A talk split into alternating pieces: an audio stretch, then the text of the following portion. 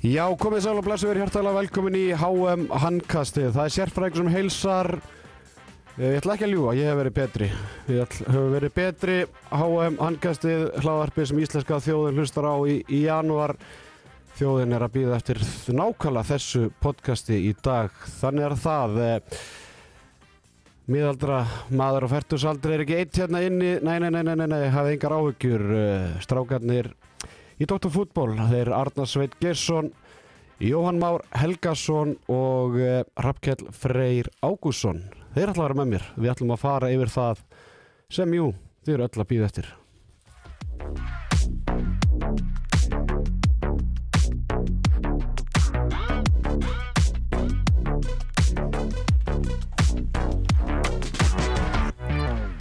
Já, sælistrákar, eh, það er engin, Hjörvar Hafliðarsson, hann, honum hérna var flóið út á mannsæstinslægin í gær og megi honum vegna vel í lífinu. En strákar, ég held ég sé bara, ef aldrei verið með, ja, góðan leikmenn með mér, góða leikmenn með mér hérna í settinu, hvað þá svona erfiðum degi eins og uh, þessi sunnudagur er. Arnar Sveit Gersson, handbóltaferillin þinn í stuttu máli. hann stu stuttur jafnvel, jafnvel svona ákveðum á breyða að hérna, maður hafi ekki endað bara í því sko en, en nei, nei, hann var, hann var stuttur Þú átt einhverja mestarásleikið, ekki? já, ég tók eitt tímbil hann og, og Já.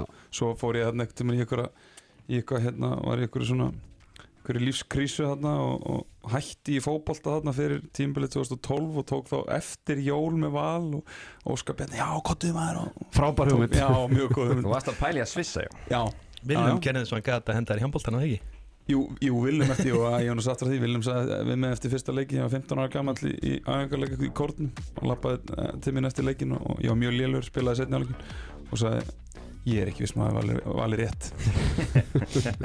Ég fór grenjandi heim til pappa sko. Kili, þinn handbóltaferill í, í mjög stuttu máli. Heyrðu, ég fór aldrei á æfingu en ég spilaði turneringu sem að hljómar mjög fyndið. Það var svo þannig að na, 90 strákiður í breðablík Viktor Unnar, Hötti, Jóa Berg og fleiri.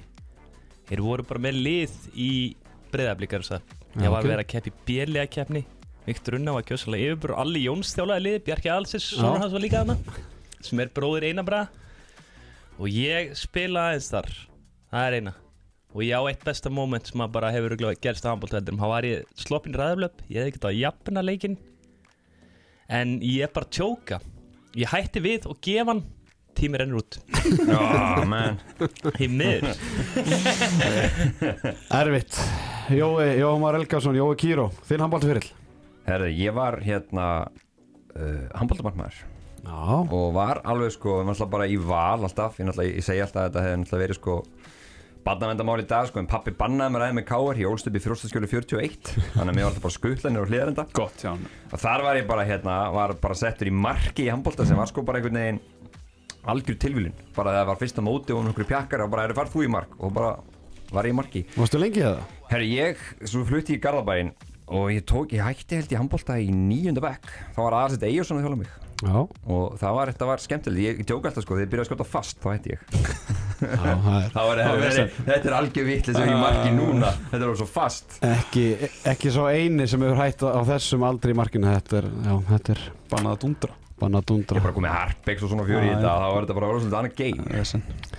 Herðu, Íslendingar, eh, já, verið hjertalega velkomi frá viðtækjunum. Við erum búin að kynna gesti dagsins. eh, Sigfúr Sigursson, hann er á sínum stað. Við ætlum aðeins að heyra hvað hann hafði að segja um leikinni í gær áður en að við förum síðan að rýna og spurning hvort við verðum meðvirkir. Sigfúr Sigursson, verður hjertalega velkomin í, í HM handkastið. eh, Það er svona, maður verður eiginlega bara að spyrja þig, hvernig er heilsan og, og andlega líða? Eh, heilsan er fín, röddinn á að koma aftur, bæði öskur á sjóvarpi í gær og svo mína menn í korfunni í val. Það er svona stóru málin, það er náttúrulega þessi leikur gegn ungverjum í gær þar sem að liðið tapar, maður verður að segja nokkuð óvænt eftir frábæra spilamennsku í einhverja 50 mínútur en það er ekki spurt að því.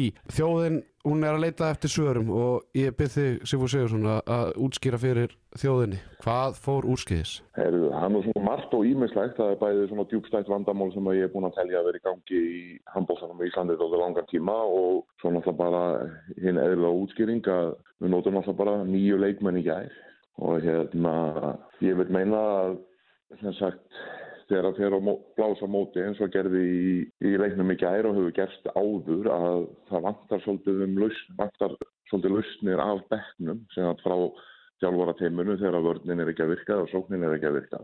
Og svona utanfrá séð allavega frá mínum bæjaturum séð þá hérna, lítur þetta út fyrir eins og hann sé ekki með plan B og C eða D þegar eitthvað er að klikka. Mm og við vorum alltaf hérna áður fyrir þá gáttum við farið í 5 plus 1 og gáttum farið í 5 1, 3 2 1, farið í 4 2 og svona broti leikin aðeins upp. Og það virðist ekki vera hafa verið í, núna í þessum, allavega í þessum leikjum síðustu fjórum sem ég hef hort á að þegar einhvað er að klikka þá er ekki neitt plan B eða sé korki vörðinni svo og það er líka svolítið vandamáli því að ef að þú ert með skiptu sem er að hoppa upp á 8-9 metrum og byrjar að skora þá þarf það ekki að breytt til og hérna og brúðist við því með því að breyta þá varnarleika eða áherslu. Og þannig er þetta að vitna í einmitt það sem ungarnir gerðu sem eru náttúrulega með gríðalega klókan þjálfar í, í tjema sem að bara, já, kann leikin upp á tíu og, og sér bara þarna ve veikleika í vörn íslenska landsliðsins og á sama tíma þá eins og þú ert að reyna að ert að koma inn á þá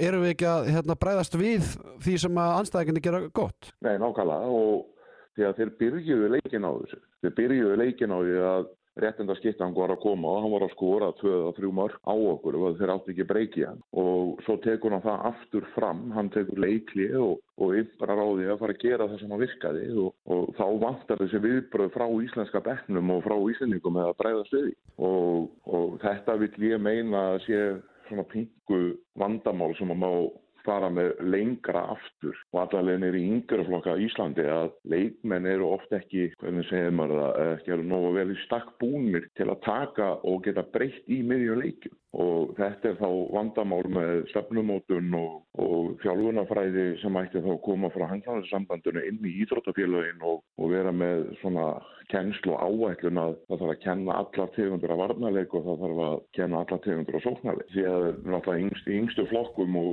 jafnvel alveg sko upp í femta flokk og fjó- fjórða flokk jafnvel að þá er alltaf verið að leggja áherslu á að halda sem flestum yfkendum inn í klúbunum sem ég skil náttúrulega mjög vel. En það þarf að byrja þjálfun, svona sérstæða þjálfun og sértæka þjálfun og grunnþætti í þjálfun, þetta þarf að kenna í öllum flokk. Algjörlega. Þetta, þetta er kannski svona umræða sem að, hérna, þarf kannski að býða betri tíma. Mér langar að spyrja þig aðeins út í það að hérna, gaggrinnin er svolítið á gumma gum núna eftir leikin. Uh, en leikmennir, geta þeir falið sig algjörlega bak við sína spilamennsku eða er einhverju svona menn sem að þú vilt taka fyrir? Nei, leikmenn geta náttúrulega alls ekki fallið sig. Þetta er annar leikurinn í mótun og menn er að tala um að þessu þreyttir og þá hafa þeir ekki verið að sta standa við, við það sem þeir eiga að standa við, að halda sér í góðu standi, í góðu formi og, og vera tilbúinir í að takast á við verkefni og getur ekki kvarta undan því öðrum leika þreytt. En, en er, menn er- eru kannski ekki endilega beint að að menn séu þreyttir þegar leikurinn að byrja en, en, en maður, maður sér það og, og tölfræn sýnir það úr öðru liðum að, að Ísland er að spila á tölvert færri leikmönnum heldur en anstæðingur og það gefur að skila og, og, og, maður skilur það alveg að leikmenn eins og Ómar Ingi, Gísli, Þor, Þorgeir og, og fleiri árásinnar verða veikari því lengra sem líður á leikin og ég held að umræðan sé kannski me mest um það, það er, menn er ekki að tala um endilega þessu þreyttir þegar leikurinn er að byrja. Nei, nei, já, sjálfsögðu ekki, en, en það sem er náttúrulega líka vandamálið það að íslenskum leikmennir eru minni, þeir eru léttari og það segir sér sjálft ef að ég og þú varum að berjast í 60 mínútur. Það myndi ég hafa betur. Þú myndir hafa betur í 40 til 50 mínútur en svo er þú sprungin því að náttúrulega þessi 10-15 cm og 10-20 kíló vega helviti mikið með langrun sko. Það er, er hárétt og þetta líka með aðgerð íslensku leikmanna er bara ekki eins og ég segi sérstaklega varnalega er ekki nægilega gott eða mikið aðgerð við skulum orða það þannig Mhm. til að takast á þessar menn. Og þá er það náttúrulega spurningin akkur er ekki plan B til að láta þessar stóru þungum menn fara að hlaupa meira í sóknin. Mhm. það er í 3-2-1 vörn eða 3-3 það er bara virkilega óþægilegt fyrir stóra mikla leikmenn að vera, þurfa að vera að hlaupa mikið og þurfa að fara í 50 og gegnubrót og allt þetta þegar þú ert að spila á móti minni leikmann. En, en bara í- rétt, rétt í lokin hérna, að því að þú er náttúrulega farið á nokkur stórmótin og, og þið hafi nú lent í vombriðum hérna áður, getur þú svona að ímynda þér hvernig stemmingin er í liðinu akkurát núna og, og svona hvernig dagurinn í dag og, og fram að leiknum út í sögu kóru,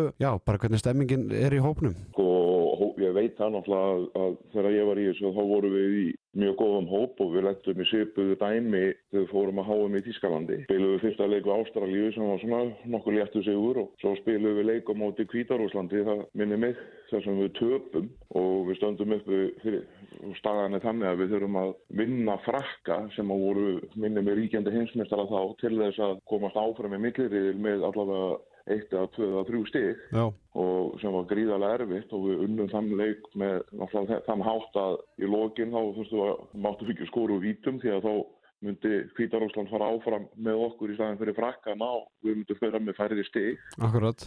Ég veit að hópurinn lemur sér vel saman og, hérna, og þegar þú lendir í svona áfall eins og ég gæra það, það svona yfirleitt þéttir menn meira saman heldur en hitt mm og á að gera það og hérna, ég hef enga trú á öðrum að strákanir koma tilbúinir í leikin og þá er það náttúrulega þjálfarana að, og þá aðalega gumma að vera komin upp með plan B með það hvernig hann þarf að rótira liðinu, hvernig hann getur breytt í leiknum og, og hvernig áframaldi verður því að það, það gengur ekki að vera, fara að vera með 16 menn í liði og nota bara nýju.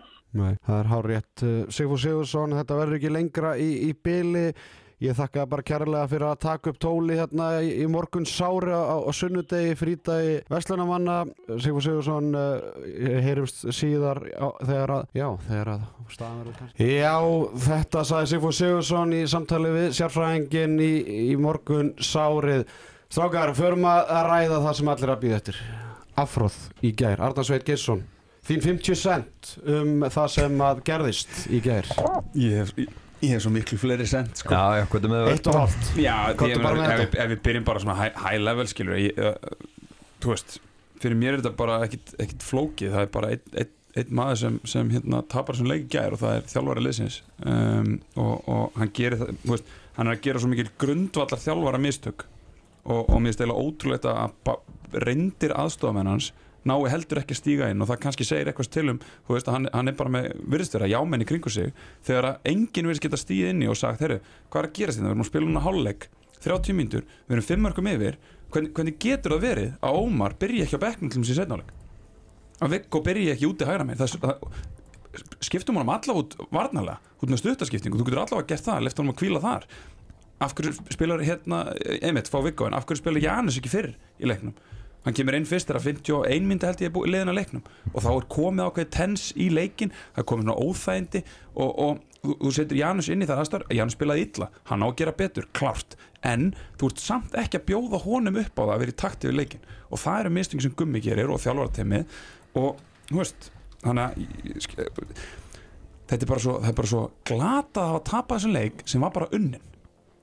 Og já, veist, við, við, við förum náttúrulega bara betur yfir, yfir svona, Já, þessi, þessi dítela á eftir en, en svona, saman en, en svona heilt yfir þá er þetta bara þetta er bara skandal já, Fyrir hlustendur þá var staðan í hálfleik 17-12 og, og það er sem Arnar Sveitn er, að- er að benda á að, að hérna Við erum bara einhverjum sex mörgum yfir uh, í byrjun setna hálfleiks en, en ennþá erum við bara með sama gamla ekki gamla bandið en það er alltaf að segja það bara við erum bara með sama liðið inn á bara hvað á 50. mínútu þá er hva, hvaða leikmenn eru búin að koma inn á þárkili það er Ellið og Ímir er að skipta. Mhm.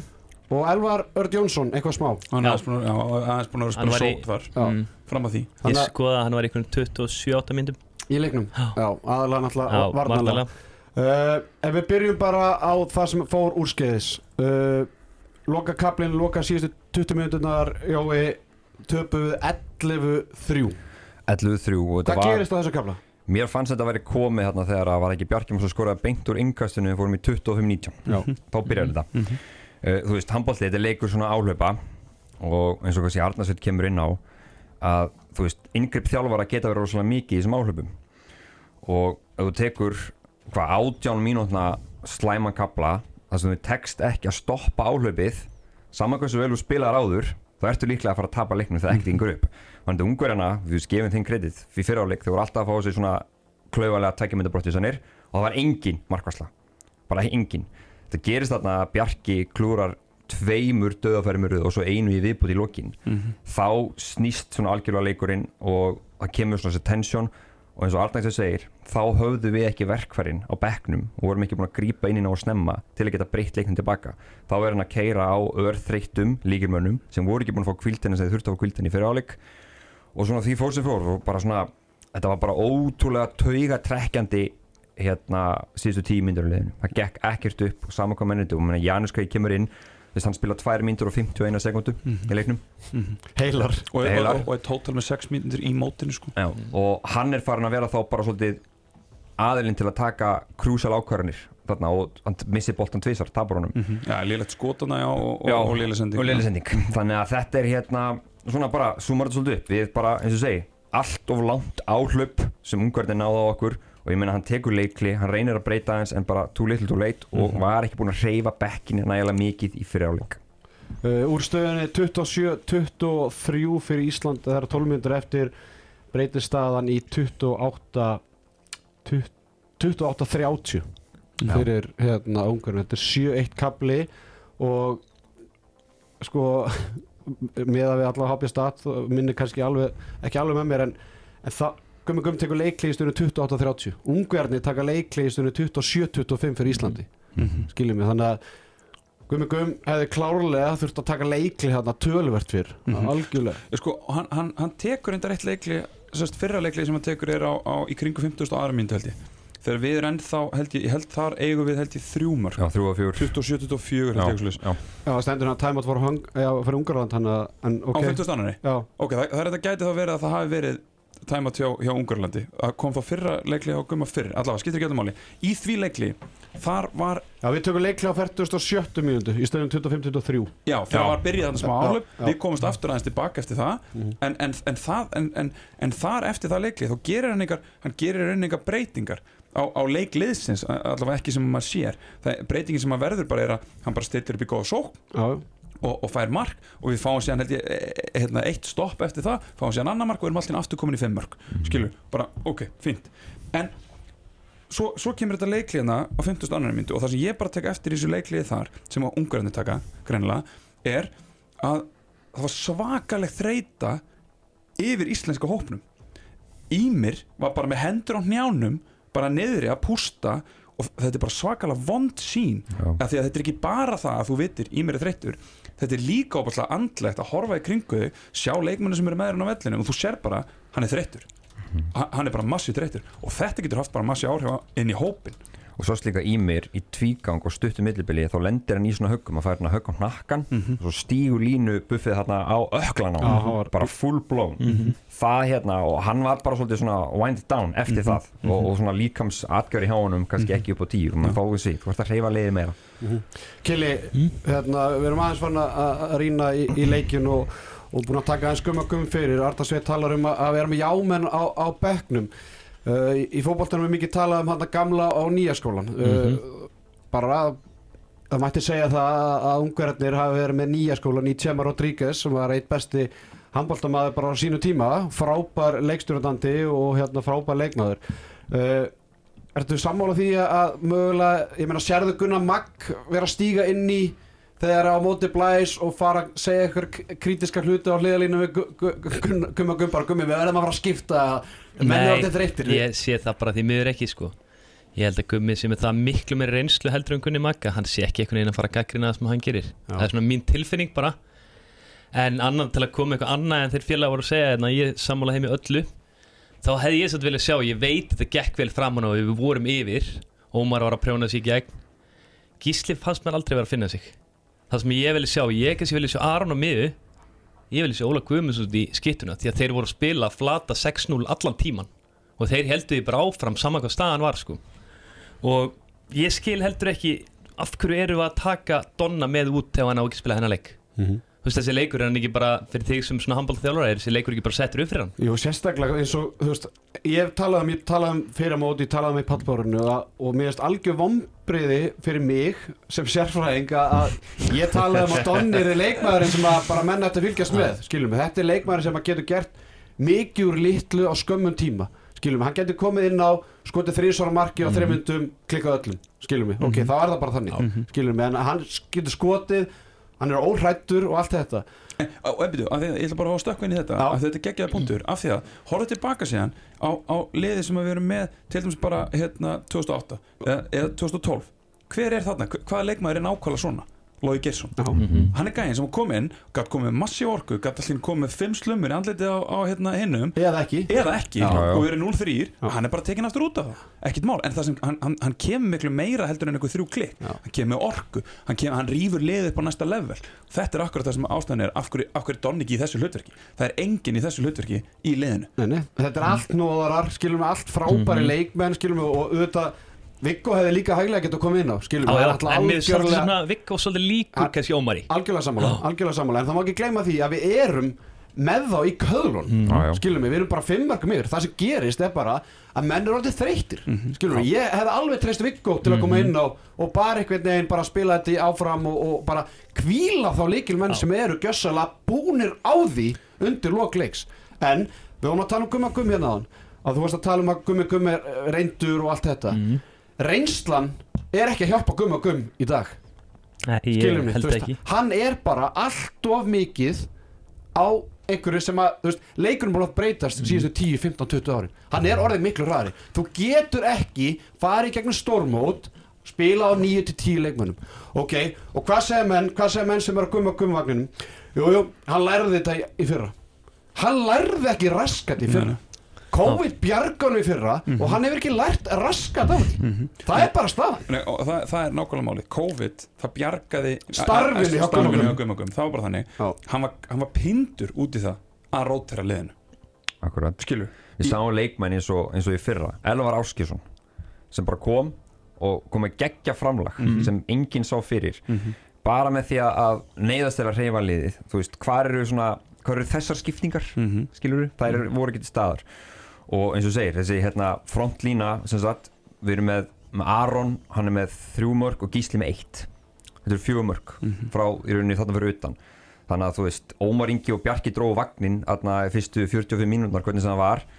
En eins og segi, við höfum ekki bara við róturum ekki neðalega svo hana en að því, að, því að, það, að því að það er alveg áhverð að spá í ok, ge, gefum Gumma það að hann bara taki ákvörðun fyrir mótið að hann bara, hann ætlar bara að rúla átta leikmönnum fyrstu tvo leikina af því að svo er hann bara að treysta á það að hann vinni báða Mm. og hann ætlar að kvíla á mútið sögur kóru ok, segjum, se- gefum honum að það sé það sem hann gerði sem ég held samt að hann hef ekki það sé ekki það sem hann á ákveð að gera heldur bara hann- af því að hann er bara inn í þessari típu af hann er bara þessi típu af þjálfara Það- ég held að þetta bara gerist automatist hjá hann en ok, hann tek bara með þetta ákveðin um allar að gera þetta svona.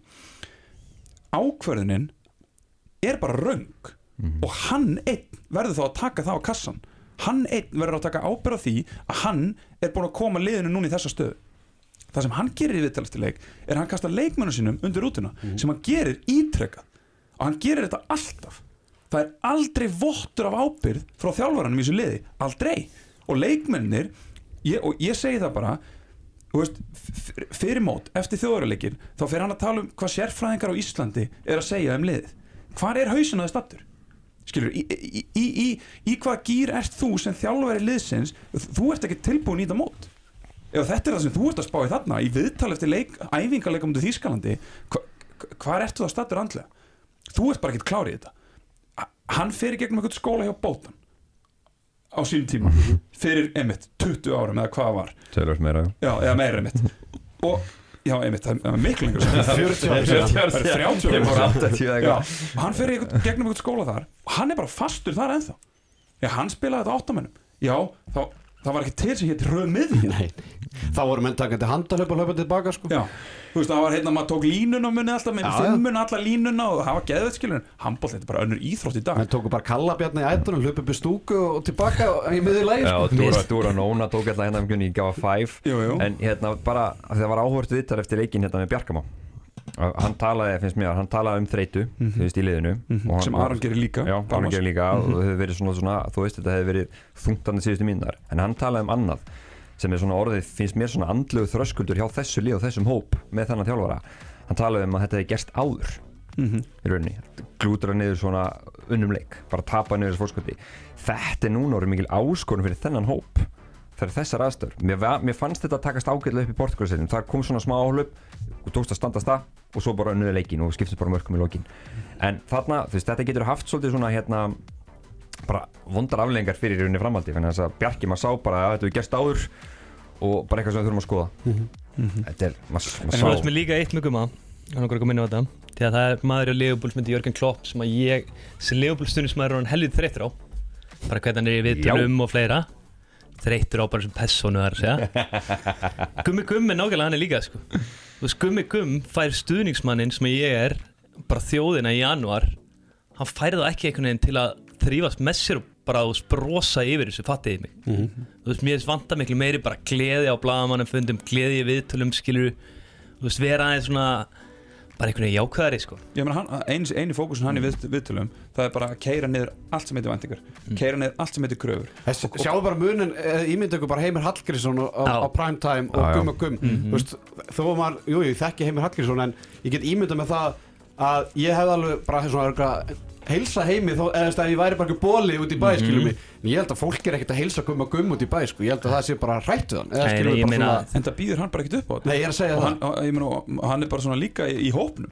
Já, já, veist. Komdu með það. Hann, hann er bara þannig í hópnum. Hann, bara, hann tala bara ekki við sem að leikmenn í hópnum. Hann bara, er þeir ekki á það? Bara andlega ofbeldi. Ég ætla nú kannski ekki að segja það.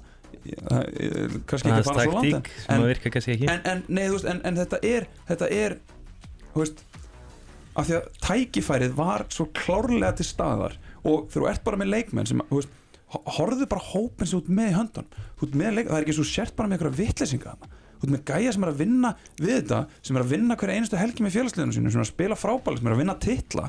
Hvað er það, þeir ráði ekki við smá pressu? Mm -hmm. pressun að koma, tala þetta lið upp. Þetta tækja fyrir farið? Svo það er þetta er alveg miklu erfa Við förum yfir það eftir, en Kili, hérna mm. langar að bjóða hann aðeins inn í, um, inn í umræðina Mhm. uh, Hvernig heldur þú að leikmenn eins og Viggo Kristjánsson Arnar Freyr Arnarsson Mhm. uh, Óður Þór Ríkarsson skiljið mig, þetta eru bara leikmenn sem eru á frábæru staði í sínu félagsliðum koma svo í landsliðið og það er valla hort á þá þú veist, það er ekki, þeir fara ekki svona að hitta upp á bekknum, Mm. skiljið mig hvernig, þú veist, hvernig er heldur, heldur að þeim líði núna og tilfinningin og trösti gagart bara þjálfaranum eða Ég held sér ekki að sesta þetta en ég held að gerir sér flesti grein fyrir að þeir munu spila slatta mútið Suðu Kóru svo þeir eru örugglega ennþá frekar svona rólegir en ég minna þeir hugsa örugglega bara fyrir þann leik heyrðu ef ég ætla að koma inn í þetta svo óðinn ég verð bara að setja inn á 12 mörk í þessum leik sko. Já, til já. dæmis Þú sama með Elvar eða Donna eða hver sem það er sko. Já, já, en, en, en núna tekið til þess eins og Viggo Kristjánsson skulni, hann veit það að hann er nummið Mhm. tvö, ég menn hann er bara eftir besta leikmann í heiminum, Já, en besti leikmann í heiminum, hann getur ekki spilað leik eftir leik eftir leik. Þannig að, þú veist, ok ég ætla ekki að vera einhver algjör besservisser en, en það segir sér sjálft að þó að Jói, þú er að þjála liðið Ardarsveit, þú veist, þið, þið myndu alltaf kvíla ómar, skiljum, það er bara það, það er mér gössanlega óskiljanlegt að maðurinn með þessa reynslu með það markmið að ná eitthvað langt að annað eða þriðja eða fjórða eða fymta stormótið ætla hann að bara klúðra þessu með því að ætla að vinna móti bara fyrstu tveimleikum mm. skilum, þetta er fucking marathon. Þetta vikku ávara klukka 10-15 mínútur í leik. Klálega, minnsta hvað, er hann að spila Kai Smits í Mætiburg hann er í svona 15-20 eða ekki? Og móti Ómari. Já, ef hann er því, Já. skil- já, skilum Þú veist, ok, 10, 15, 15, 20 já, Svo það er það sem að gerir Ómari að feskan og er með Magdeburg sko. Þetta Alveg er, klárt mál. En, og, en, og ég held að þetta sé bara, veist, þetta er bara frábær punktur skilur, það er sko, að- að að gummi hann, hann, hann nýtir þess að tvo leiki í það, einmitt, eins og Arndar er að koma inn á, að hann ætlar einhvern veginn að ná að vinna móti í þessum tveimleikum og ég held að þetta spila líka inn á að hann er bara svo stressaður. Hann er svo stressaður yfir því að ef hann klárar ekki fyrstu tvo leikina að þá verður þetta vesen.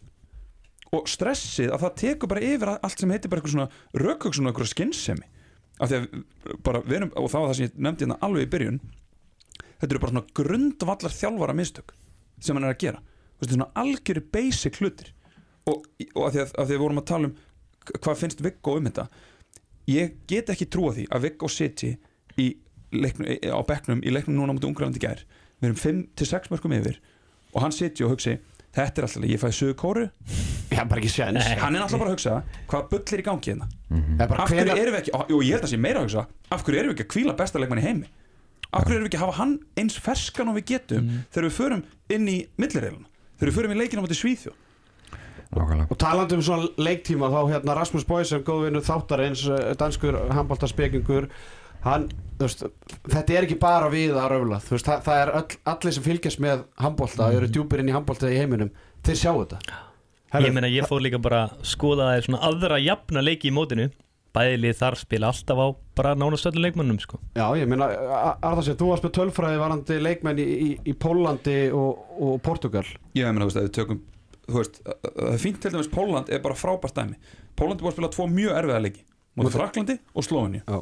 Uh, og bara, ég meina, hérna, það var opnað leikur, eh, hérna, opnað leikurinn Frakland Póland það er bara close leikur Mhm. skilur, bara, það er ekkit eins og, eins og þeir hafi skýt tapað þeim leika eða hvað var. Póland er búin að nota 16 leikmenn í mótinu. 16 leikmenn. Portugal sem er búið að spila á móti Íslandi og jú, Suðu Kóru sem var samt close leikur þannig að síðustu 10 mínunar Mhm. búin að nota 16 leikmenn. Ísland búin að nota 11 leikmenn þar af er Janus í 6 mínútur þannig að við getum eiginlega sagt að þessi búin að nota 10 leikmenn. Já. og þar af eru tveir markmenn. Þannig að hann er búin að nota 8 leikmenn í 120 mínútur. Þetta er Bilun. Þetta er fáralegt sko. Þetta er algjör bilun Svo líka ekki sem með gumma, bara til að það sem Fúsi sagði, mér finnst það góða punktur í honum að hérna, það er alltaf sama vörninn og þeir voru allt innum færðin að skora vildungverðir þú veist, bara með að fyrstu 45 minúnar þá þurftu að hafa rosalega mikið fyrir mörkunum sínum ungverðinir það var rosalega svona þvingað og alltaf að leita á línuna. Svo hérna hægri skittan hún, hún fyrir í gang. Og eins og sagði, stórir, þungir akkur ekki aðeins að stíga út breyta þessu vörn, hann talaði um 31 af hverju ekki? Já, aðeins að bara pröfa að Þa, það var það sem að úr í leikliðinu skilur Já. mig þegar hún komin eitthvað tveimur undir held ég í þessu síðasta leiklega bara menn stráði verðið að skilur mig stíu út og, og þetta er nákvæmlega sem ég var að tala með Tjema Rodríguez þjálfar ungverja þannig ertu bara með leik, þjálfara sem er bara búin að sjá veikleika í, hérna, í liði Íslands og hvað gerum við? Við bregðumst ekkert Mhm. gegn- ekki, ekki við því uh, annað sem ég langa að- benda á er hérna uh, markvæðarstafan skiljið mig, þú veist, við erum með Viktor Gísla hérna Hallgrímsson sem að allir vonbröði með æfingarleikjurum á móti hérna þjóðurum Mhm. uh, Gummi Gumm gerir að, að, að mér finnst bara vel í að treysta Bjögga til að byrja síðasta og, og Bjöggi hefur verið bara nokkuð góður. En markvæðarskiptingin í gær hún var það er hægt að gaggrina hana skiljið mig, þú veist, annarkort að Bjöggi of lengi inn á eða hefði átt að vera ennþá inn á því að þegar hann er tekin út af þá var hann búin að vera ykkur tóbolta ok, Viktor Gísli kemur inn á. Við er tóbolta á Já. 6 mínútum. Hann er tekin út af. Mhm. Þú, ert Viktor Gísli, þú ert bara efnilegasti leikmaður í heimi, þetta er stærsta sviðið, Mhm. því langar ekkert eðla mikið bara að sanna það og vera þarna og vera þú veist, ég meina, hann var valin besti leikmaður á EM í fyrra, Mhm. skilum við, hann fær 6 mínútur við er tvo bolta, vördin er ekki að gera neinum greiða, Nei, nei. tröstið er ekkert Mhm. skilum við, þetta er svona annar leikmaður sem að hlýtur bara að spyrja sig, herri, Já, og, og, og þarna spyr hver er ma- staða minn í hópnum? Já, og þarna spyrir maður sér líka því að lang oftast, um, allavega eins og, eins og ég skilaði ekki um tíðina þá, þá, þá er þjálfur með einhverja vinnureglu þegar kemur að markmönnum út mjög oft með að þú ert búin að fá fjögumarkaði röð eða fimmmarkaði röð eða hvað það er skilja, Mhm. það kemur ekkert stopp í, í fimm skotum í röð eða eitthvað, þá ert hennu bara komið hér ok, þá er skipting en það verðist alls ekki að verið þarna þú veist, af því að Bjöggi var búin að vera inn á í einhver tíma var búin að vera ekki að klukkabolta svo allt í hennu klukkar hann bolta þá er hann síðan tekin út Viktor klukkar bolta á meðan hann er inn á Já, og svo var hann aftur tekin út. Þannig að var eina pælingin var það bara til þess að ge- gefa Björk eitthvað smá kvild var, var, það pælingin? Og- og- Mögulega, en, en, en, og, en, og ef að það er pælingin að akkur gerist það ekki miklu fyrr? Já.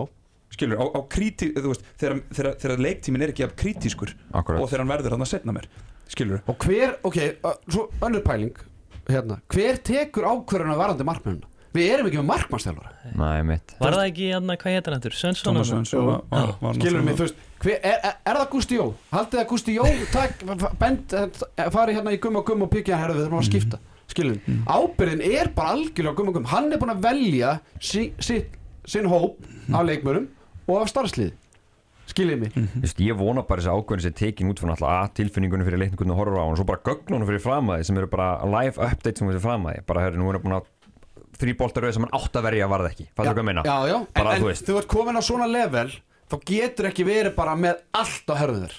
Skilur Nei, nei, þú getur verður ekki- þú getur ekki hugsað um allt, sko. Ég veit að það Skilur. þarf að vera ykkur þá bara með honum sem er bara, bara informer en herru, þetta, þetta þarf að gerast núna. Bara gögnin og tilfinningin er að segja okkur það. Og, og þar held ég að komum við aftur að þessu að ég held að hann sé bara umgrindur ómikið að jámennum þetta er bara vinnur hans. Þú veist, já, og hún er bara gott Ég að meina, vinna með þeim og, sko, og, ég er, ekki- ég er, og þannig er ég ekki að gera lítið úr Gústa eða Gunna alls ekki ah, bara alls ekki, þetta snýst ekki um það þannig er ég að gera þannig er ég, að- er ég, að- er ég að kvarta yfir því hvernig Gummi byggir upp teimið sitt Já, svo náttúrulega má ekki taka, þú veist, það er líka eitthvað sem kallast landslýsnefnd, skilur mig, Já, já. þú veist, gummi getur heldur ekki bara, herri, ég vil fá þennan, þennan, þennan, þú veist, það fær líka einhver gaggrin ákvörðunas. Já, yfir honum. Og, og hvernig var sagan þegar Gústi Jó er ráðin? Jú, það er að því að gumma gumm fannst Gústi svo sprengfindin, mm. skilur mig, og sem hann er sko. Hann er geggjaður, í þarna, við um aðan skilur mig, en, en Gústi það bara vera þá, skilur mig, sem bara varað aðstofþjálfur, eða skilur mig aðstofþjálfur með tvö, eða skilur mig, þú, þú verður að vera með eitthvað fagmann í fæinu sem tengis markmann. Já, og, ég- og já, ég meina, og var það ekki þannig að þeir, þeir sleftu Tómasi Svensson. Jú, jú. var það ekki þannig að þeir hefðu getað klárað það mál? Já, og að það var tekin ákvörðun um að gera það ekki? Nei, menn þetta er bara svipað og þú bara sleppir þér með sjúkarþjálfara og verður bara aðra eldjátt bara að því hann er svo fyndil í alvörinni, skilur mig, þú veist þú ert bara, þú máttu vera að finna sex á bekk. Þú ert með þjálfara, þú ert með aðstofaþjálfara svo ertu yfirleitt með markmannstjálfara svo ertu með liðstjóra og sjúkarþjálfara og, og, og lækni Tækin þetta sól og hólma út í það farið Það gerir svo að hólm, þeir aðra eldjátt frekar. Já, já. Ég- en Meiri ég- Ég sá líka, hel, ég sá líka heldur góðan punkt með, með gær, þú veist, hef, hef ekki hérna verið bara, hef ekki mátt bara spara spara háa síðans peningin og, og hérna og bara slefti að taka með fjóra, fjóra af þessum átján leikmennum og Já, ég kom með það já, það var, að segja fyrir einmitt. En bara til að halda þessar umræðis gangvendi Við þurftum að leita út fyrir landstennana af þessu markmannsjálfara uh, er, Eru þið með nafnið? Hver ætti að vera þarna? Já, Eru með þeir- það? þeir Ég, höfðu er þeir að höfðu sakka spensa ykkur hérna sko, ég Þeir átta höfðu maður því. náttúrulega Tómas Svensson. Já, ég er að segja, en hann, hann er ekki lengur til staðar. Nei, sem bara, er ákvörðin háa sí sko. Ok, ég meina það var þannig. Þú veist, hún var bara stóð sagt upp. Það var bara ákvörðin Já. að að halda ekki í hann. Já, framleik ekki við hann. Framleik ekki við hann, Já, ok. Ver, ver ekki Heiða Levi fekk tækifæri hann kom eitthvað á tvær landssangar Svo var hann hann- mætt seint á aðra þeirra og, og í gallabuksunum hinnum sko, Svo að- fyrir það, vann alltaf Róld já. var þarna, skilur ég, og ég ger mér ekki damlega grein fyrir því hvers konar starfi sem menn er að vinna, ég hef ekki hugmyndu það. Nei. En að sé ekki einhver þarna það er bara, það er bara. Ef- sérstaklega ef, ef þú ætlar að tala um að þú sért með top 6 landslið í heiminum Þú ert með markmannsjálfari í, í, í, í úlíka landsliðunum Já, já. og, og hérna Bubi Mortens er í, í hverna landsliðinu og Gummi Rappkels eitthvað Gummi Rakkels Já, já, bara fá hann inn í þetta ASAP Er sko það ekki bara? Jú, jú, ekki flókið sko En ég menn þetta er kannski ekki rót vandans en þetta Nei. er svona samt Nei, menn, skilur þetta er eitt af þessu luti sem það er að ræða Já, já. Klálega, Algjörlega. sérstaklega þegar að, þegar En- að gengið er svona Þurfum við ekki að fara að pakka saman einhverjum leikmönnum líka Jú, þú ætlar að taka Aron Pálvarsson fyrir. Kili. Aron Pálma? Já. Ég held bara Er hann í heimsklassa? Mm. Ég átta mikið á því, þekki leikmenn ekki það vel í handbólta Ætla hann sé júki, hann er í eina sem liðið sem borgar bestu launin. Svo væntalega er hann það. En ég held að við gerum bara ómikla væntingar ennþá til Aron Pálma. Ég held að það sé bara málið. Aron Pálmarsson er Pálmi sjö hvað, þrjá- stóðsendingar í, gær. Hann með þrjú mörg og sex skotum þrjú frábær mörg öllu Mhm. fyrir áleik skýtur einu svona marki í setnum. Já, það er sem ég við mómbreymi Ég vilja sjá hann með þessa vörð sem lásun aftalega bara negla miklu oftar Því að skotið sem hann klúraði, hvað hann með þrjú marki fimm skotum? Sex. Sex, já, þú veist, þau voru öll frekar nálægt líka. Eitt var held í slána Svo var eitthvað rétti yfir eða rétt framjá Ég bara vilja sjá hann halda fram hamrað sko. Og ég En- held samt sem eins og ég segi Við gerum stundum ómikla væntinga til hans. Það er alveg klárt mál.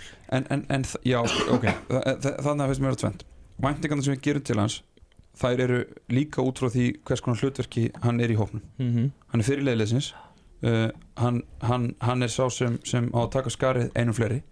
Uh, hann er mjög mikilvægur þannig að það er verið að segja okkur hann, hann, er, hann, hann á að vera mikilvægur. Ok, síðan er hitt. Skot, hann, eins og Arnaldaði kemur inn á. Hann skýtur ekki á marki í setnáleik e, hvað sagði, eitt skot, Einu sinni. Já, Mhm. eitt skot í setnáleik hvað er þetta annað en þreita? ekki neitt annað. Leikmaður, leikmaður eins, og, eins og Aron Pálmarsson þetta er, þetta er massíu skrokkur.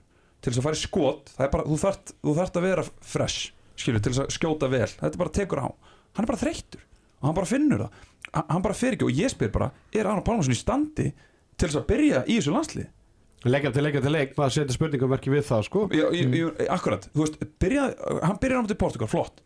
Má ekki bara, má ekki bara byrja einhvern annan?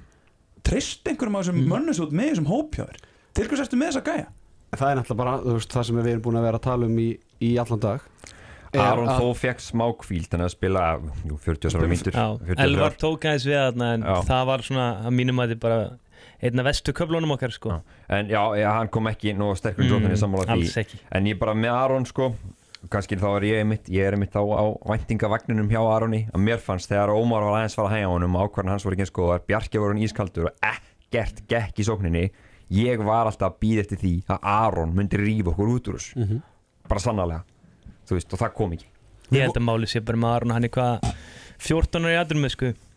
Í svo deild og mestradeild eða í öllum liðanum með hegi Jú, jú, Svona en, einhverju en, viti. en Vesprem og Barcelona Já, ekki jafn mikið kannski en hann var bullandi mikið í kýl og líka núna. Já, já. Já, svo ég held að ferillin að sé kannski bara aðeins An- lengur en er. annar leikmaður sem að hefur allir mér vambröðum Gísli Þorki Kristjánsson. Mm, Klálega Uh, hann er með eitt mark í fyrsta leiknum á móti Portugal, nei, já, nei tvö mark á móti Portugal og eitt mark í, í gæri á móti Ungurum og, og, og, og hann er bara að spila svo. Hann spila bara svo. hann, hann á bara að vera helviti ferskur Já, sko, þú veist. þegar hann er að koma þannig í árásir, þessu sko. tölfræði dæmist inn, eða þú veist, ma- við dæmum framistu hans ba- bara á sóknarleik Mhm. við, erum ekki að fara að tala um hans varnarleik á, á bekknum. En hérna þú veist, hann tekur gríðal mikið til sín skilum við, allar, hann er mikið árásum maður og mann, Mhm. maður og mann og maður og mann. Og þið getið ímyndað okkur og, og þetta er svona ágætis punktur sem ég hef heyrt bara frá fróðari mönnum sem hafa meiri reynslu og hafa spilað í hérna í aturmennsku á hæsta, hæsta stíi er að, að þú sem varnamaður þú vilt að leikmaðurinn, eða þú þú vilt að sami maður komi aftur og aftur, skilur mig? Þú veist, og þú vilt ekki að ég sé varnamaður ég vil ekki Arda Sveit komi á mig svo kemur Keli og svo Jói skilur mig, þú veist, þú vilt að sami maður komi aftur og aftur, því að hann ætti þá að vera jafn þreyttur og ég, skilur mig, ef ég er þristur í vörn og er að fá samaninn, þá er þetta svona jafnæri orusta og, og þú náttúrulega fá bara alltaf svipaðar hreyfingar þú, þú fyrir að þekkja Þægilegt. hvert ferðu og allt þetta. Já. bara fyrir að geta staðið bara miklu yktar á þennan sama leikmann þannig að það verður ennþá erfiðara fyrir hann. Og, og, og sko, og talandu Gísla Þorgir aðeins og að hérna, hann hefur ekki kannski, hann hefur ekki hæðina umfram einhverja leikmenn, skilur, hvað þá þrista í, í hérna, ungarunum eða í, í Portugal. Þú veist, hann hefur ekki líka hann styrk, skilur mig, hann er fljótur á fótunum og hefur fáralega góð fyndu, mm skiljið mig. Hvenar er þessar fyndu bestar? þær eru upphæfuleiks skiljið mig, þú veist, það segir sér bara sjálft að þegar þú er búin að taka sömu fynduna 15 sinnum segjum það, average 15 sinnum á 50. mínútu og þú er bara að koma þér í gegn kannski tvísvar að það er búin að stoppa þér 13 sinnum eða 10 sinnum skiljum við, af bara einhverjum nöyti það tekur Já, bæði bara kraft úr sjálfu þér og smá sjálfströst, þú ert ekki að ná að komast í gegn. Já, ég meina hann var lamin hann að tvisvar í andliti þarna í, í fyrriháleik og hann er ekki að fá þessi víti sem að ma- maður sér hinn í ólistöldinni skilur menn er konni bara hálft í gegn menn er bara á víti skilur maður sér það líka svolítið í þýsku deildinni en það er eins og lína sé eitthvað aðeins öðru hérna, mm veist, hann er komin eiginlega í gegn en það er bara fríkast. Og maður sér það alveg, hann er veist smá pyrrað veist, hann vil, vil fá fleiri víti. En hann er bara hann orkulus og þessar árásir hjá hann myndur leikja bæði í gær og í, í, í, í fyrirháttag eða fyrir þreymur dögum þær eru bara ekki neitt neitt. Það voru máttlisar Og eru það ekki alltaf margar líka? Ég er að segja það, Já. skilur Það eru bara veist, allt of Þú margar. verður að velja orustunum sem þú verð í. Ef þú ert bara með 40% kraft í þessari sókn eða þessum sekundubrotum þá ertu ekki að fara að vinna orustunum það var svona pínu one trick pony í þessu leik og hann vantar bara, eins og þeir, vantar bara heslu munin hjá honum í þessu, hann, hann fiska út á tvær mann ég bara hérna í fyrri áleik Já, en svo var þetta rosalega þunnt hjá honum. Bestu árustunum hans er í setnáleik eða þegar hann er komin inn á eftir kannski 5 minna kvíld eða Já, en, en, en, en, en, það, en þetta er akkurat veist, og og hann, hann hefur komið inn á þetta sjálfur. Hann hefur komið inn á þetta sjálfur í viðtali. Það sem hann segir að, að hann þurfi klárlega að læra betur hvenar hann á að fara í árás og hvenar ekki, þannig að hann veit alveg af þessu. Það sem að skilu, það sem að gerist með þessu er að hafa leikmann eins og hann inn á er að þú veist, þú vilt fá eitthvað frá honum í stuttan tíma og þá viltu fá bara massíft aksjón en svo þarftu bara að kippa honum aðeins út skilur Já. þanga til hann lærir hvenar hann á að fara í árás hvenar hann á að halda flæðinu gangandi. Og hver kemur af inn því á? að Janus Staði sem er frábæð maður mann. Frábær og bara frábær leik En hann er ekki frábæð maður mann sitandi á bekknum sko. Framist að Janusar í leikjum á mútið Þískalandi frábær, skilur bara kemur inn virkilega flottur, hann er búin að spila núna total 6 mínútur, 3 mínútur cirka í hvort Þetta er það gessanlega fáralegt gal þegar þú Nei, segir það. Já, og, og, og hann fær þrjár myndir í þessum ungarleik og, þú veist, og ég bara segi það ég, auðvitað, auðvitað er það þannig að Janus á að bera ábyrða sinni framistuð hann ber ábyrða því að hann skili framistuð þó hvort sem að hann er að spila í þrjár myndir eða ekki. En það er samt líka þannig að þjálfarinn getur klárlega hjálpað leikmanni að vera í takti við leikin hann er búin að setja í 50 mínútur á bekknum þegar hann loksins fær að koma inn á og þá er titringurinn byrjaður í staðin fyrir hann hefði fengið 5 mínútur í fyriráleik undir lok fyriráleiks og 5 mínútur í byrjun setni segjum sem bara að það hefði gengið frábælega þá hefði bara verið hægt að kvíla áfram hina leikmennina og Janus bara fengið að spila 40 myndur hann kemur inn á erfiðasta kapla leiksins fyrir Ísland. Veist, þegar bara- Ískaldur. já, þegar allt er bara eiginlega farið í skrúin í engum rithma Já. og, og, það, og það bara þannig, veist, þannig að fólk skilji það er ótrúlega mikilvægt fyrir handbóltamann sem kemur inn á að hann sé í smá takti við það sem er í gangi inn á. Að hann sé aðeins í takti við það hvað er búið að vera að gerast hvernig er þetta búið að vera að spilast skilur, þú, veist, þú ert bara ekki í neinum takti við leikin þegar þú ert bara sitjandi á bekknum þannig að bara með því að gefa honum 5 mínútur í fyrirháleik þá ertu búin að gefa honum smá svona hann er aðeins komin inn í grúfi sitt aðeins inn í líður vel. líður vel, akkurat. Þarna kemur hann inn, hann bara byrjar á því að taka mjög slæm ákvörðum var þetta skot, hann bara tekur allt og snembúi skot. Þá þetta bara strax kemur stress hjá honum, hann sér kritiska ástandi sem er í leiknum, hann veit að hann má ekki gera mistök, hvað gerist? Kasta bóltan múta eða, eða, þú veist, lélega sendingu eða eitthvað herðu, Og- við erum búin að töða hérna. Við erum hvergin er hættir? Hvað er eina bræði? Hvað er einu? Minn maður. Hérna uh, Tölum aðeins um Ríkisjónarbið já, Já, við getum talað um þá. Tölum aðeins um Ríkisjónarbið mm. Gefum landsleginu smá kvíld Ég veit að leikmenn er að hlusta. Ég veit að, að, að leikmenn er að hlusta Hvort sem það er núna eða einhvern veginn að setna Þannig að gefum leikmennum og landsleginu smá frí. Förum svo í, í það á eftir Ríkisjónarbið Ef að fara í þetta viðtal. Uh, Twitter hjá mér Það hefur aldrei verið jafn heitt og eins og ég ger skilur mig, jújú, prime time skilur mig, þú veist, þjóðir bara elska landsleik en ég hendi svipa tweet fyrir árið síðan. Baði einar örn um að spyrja gummagum krefendi spurningar. Um nákvæmlega sama Jújú, ég gerir mig grein fyrir því að Einar Örn og Þorkell eru bara ekkert að taka upp símar hérna mínútu fyrir viðtal við gummagum eða eitthvað.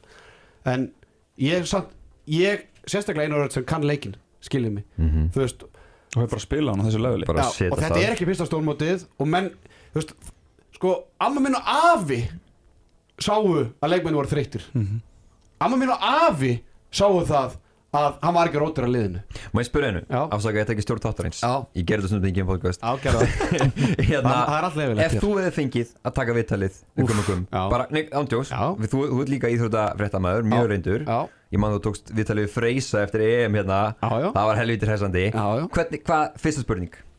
Bara, hvað fór úrskiðis Ok, hann hefur komið með eitthvað mynd út í það. Já. En hann hann- en hann að svara því. Já, þú veist, og þar nefnir hann að tækni fyrir leikmanna Já. og ákvarðan að taka þá hefði ég sagt, já, er það ekki svo undir þér komið? Eða skilur, berð þú ekki ábyrð á því að hafa ekki kvill liðið eða rótera liðið fyrr í leiknum? Já svo hefði ég spurt og þá eru fengið eitthvað svar þar skilur, og þá annarkort er útsnúningur og þá getur þú ítt aftur Já, eða þú færið eitthvað það hefur verið komið raunverulega- eða þú- Já, eða- já, ég- eða- eða þú færið raunverulega eitthvað sem, sem að skipti máli miða við hvað, miða við hvað gummi gum getur stjórnað umræðinni þá er ég hrættur um það að ef ég hef tekið viðtölu gummi gummi gem, ég hef er já. ég, ég hefði krafið hann um svör og svörin sem þjóðin var að býða eftir og það er ekkert ástæðu lausu að ég hef verið að fá okkur yfir 200 like. Basically þetta var nákvæmlega það sem þjóðin vildi heyra. Fólkið vildi fá að vita af hverju sömuleikmennir spiluðu áfram og áfram og áfram. Þetta er skattpenningarnir þeirra. Það fari í launin þeirra og eðlilega vilja að fá að vita. Við vorum- fimm mörgum yfir í setnafleik Skiljið mig, bara nákvæmlega sami leikur og allir voru að horfa á. Ég var með 30-40 manns á Rauða Ljónur að horfa á leikinn.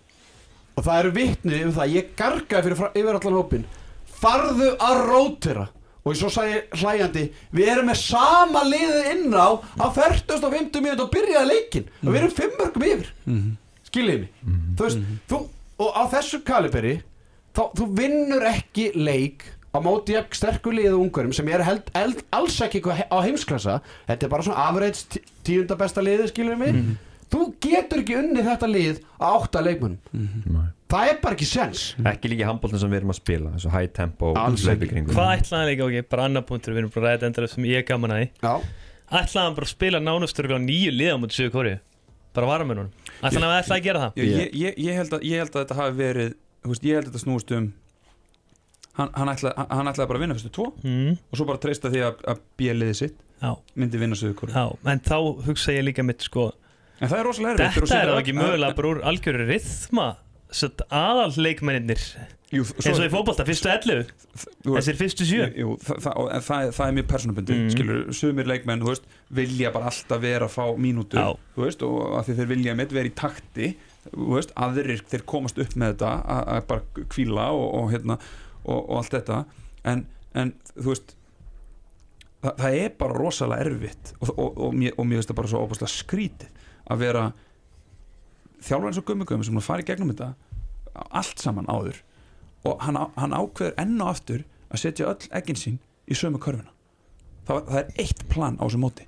Það var að vinna fyrstu tvo og geta síðan til að í söðu kóru það klikkar, nú erum við bara fókt förum Þú voru að aftur, förum í ríkisópistrákar Mhm. Við ætlum ekki að Nei, þannig nei, sko, mér, mér, mér finnst bara veist, og mér finnst þetta vera mjög hafa verið mjög lýsandi í kringum gumma um, mjög lengi.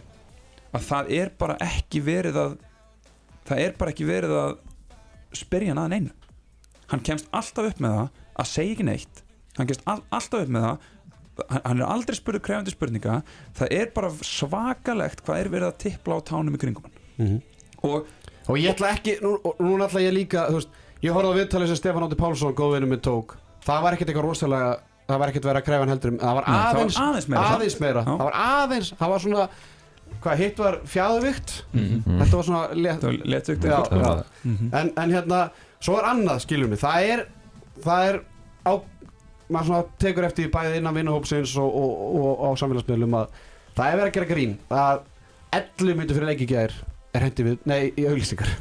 Einmitt. Það er 11 mínútur í leik það eru allir loksins komnir við að sjónvarpinu. Jú, jú, auðvitað markastjórn bara þetta er prime time þarna að selja stjórnlýsingarna Einmitt. En ég meina, er það grínast? Við erum bara með eitthvað auðlýsingar niður í hotninu og þú veist það er mánuður sem handboltinn fær á hverju ári og 11 myndir fyrir leik á laugardagskvöldi þá hendi auðlýsingar og það er ekki þess að hendi ykkur stemmingsauðlýsingar Það er ekki verið að hendi fyrst búfúsa Nei, það er verið að hendi þessar. En be- og- sem er hvergi annars þar í heiminum um að rúf Þetta var held það var ekki sett saman líka inn. þegar, þegar með leikmenn voru svona hlaup inn á. Jú, þú fegst, við- þú fegst ekki að upplifa stemmingu Nei, Nei. við sáum bara í lokin í heldur bara rétt í lokin og svo bara leikunum byrjaði. Í staðin fyrir að leifa hérna, heyrðu fáðu stemmingun í stofuna maður Við erum að heimavelli sko. það Einar. Einar, Jónsson fær það hlutverk að lýsa fyrir áhörðum heim í stofu hvernig stemmingin var þegar Íslandingarnir voru að hlaupinu möllin þetta er, þú veist, ég bara Og sem sem að vídeo þess á Twitter Já. Og Akkur ekki verið að sína þetta þetta er bara En svo- En en- eitt, eitt sorry, grifið fram Nei, mig bara já. með sem manda Mhm. Eitt sem ég spátt í bara með hvort sem íþróttafréttamenn í fótbolta, handbolta, körubolta eða neymit á Íslandi eru íþróttafréttamenn ekki oft og nánir landstælurum Svona í þessum ferðum sérstaklega á stórmótum en, en, jú, ég held að þetta sé klárlega Já. málið. En þarna finnst mér vera sko, hvort er meiri umhyggja í því að vera meðurkur mm. og jámaður eða stundum að segja hlutin eins og þeirra hvort, hvort, hvort, hvort gagnast það hérna Jóa hérna á móti mér meira að ég segja honum ef að mér finnist hann geta gert Mhm. einhver, einhver hluti betur og rökstutt það eða spurt hann út í af hverju hann gerir einhver hluti frekar heldur en að segja að þetta- þú ert geggjaður þú ert með allt upp á tíu. Og svo allt í hvort er, er betra fyrir? Já. Sko það sem ég væri mér að segja eins og staðan er núna eins og þetta var í gær veist, ég verið til í að senda bara almennan blaman sem var bara með Airpods í eyrunum sem myndi bara eitthvað gæi matana þess að maður átti að spyrja. Segðu bara að þú vildi senda sérfræðingin til dæmis líka hann Sérfræðingurinn er Sérfræðingurinn er En- hérna en en- hann er ekki á annar rúf. en það sem að ef við tökum bara þessu umræði ég held að hérna, bara ég alveg rétt á sér að hérna, varandi svona að vera náinn skilur mig, þú veist að, að ég segi hlutina eins og þeir eru. Þú ert En- ekki sagaður um hana. Nei, og en, en þetta var alveg erfitt þannig að þú ert að tala um þetta viðtala við hérna Frey, Frey Alessandarsson eftir EM 2017 í Hollandi. Mhm. Þú veist, ég og Freysi góðu fjölar, eða skilur mig þú veist, bara báðir vorum lengi í val og allt þetta. Þú veist, ég held að ég held að ég hef ekki heyrt í Freysa mikið eftir þetta skilur mig þótt ég myndi- myndi heilt svona núna Já, já. skilur mig þannig að þú ert svolítið að velja þér orustu eða skilur mig þú veist, þú ert handbóltaþengjandi eða fótbóltaþengjandi þá viltu alveg geta spjalla við Freysa eða þú vilt alveg geta spjalla við Óla Jó eða Heimi eða, eða, eða skilur mig Óla Kristjáns og hittir hann. Já, já. En ef þú ert eða skilur mig menn eru of hörundsárir En- skilur mig Já, þú veist menn eru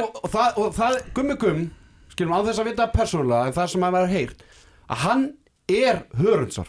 Skilur mig? Ef þú spyr, myndir spyrja hann gagnar spurninga hann myndi reyna að forðast að mæti viðtal við dæn eftir þótt hann auðvitað geti ekki gert það við rúf Nei, nei. skilur mig, en það er sagan sem maður heyrir, skilur mig? Og þú, hvað er hvað er Stefán Átni Pálsson að gera á landsliðsæðingu hjá, hjá handbóltalandslið núna takandi við boltanum í uppbyttur og fótbolta og, og, og setja eða skilur mig þú veist Þannig eru menn bara farin að tengjast einhvern veginn æfingunni, skilur mig, og jú, ég voða gaman eitthvað svona, en þú veist, er hann að fara að gaggrina að bjarga má hérna hál- hálftíma setna, eða, eða fara að spyrja hann einhver krefindi spurninga, eða skilur mig, þarna er, spyr maður með fagmennsku. Já, já.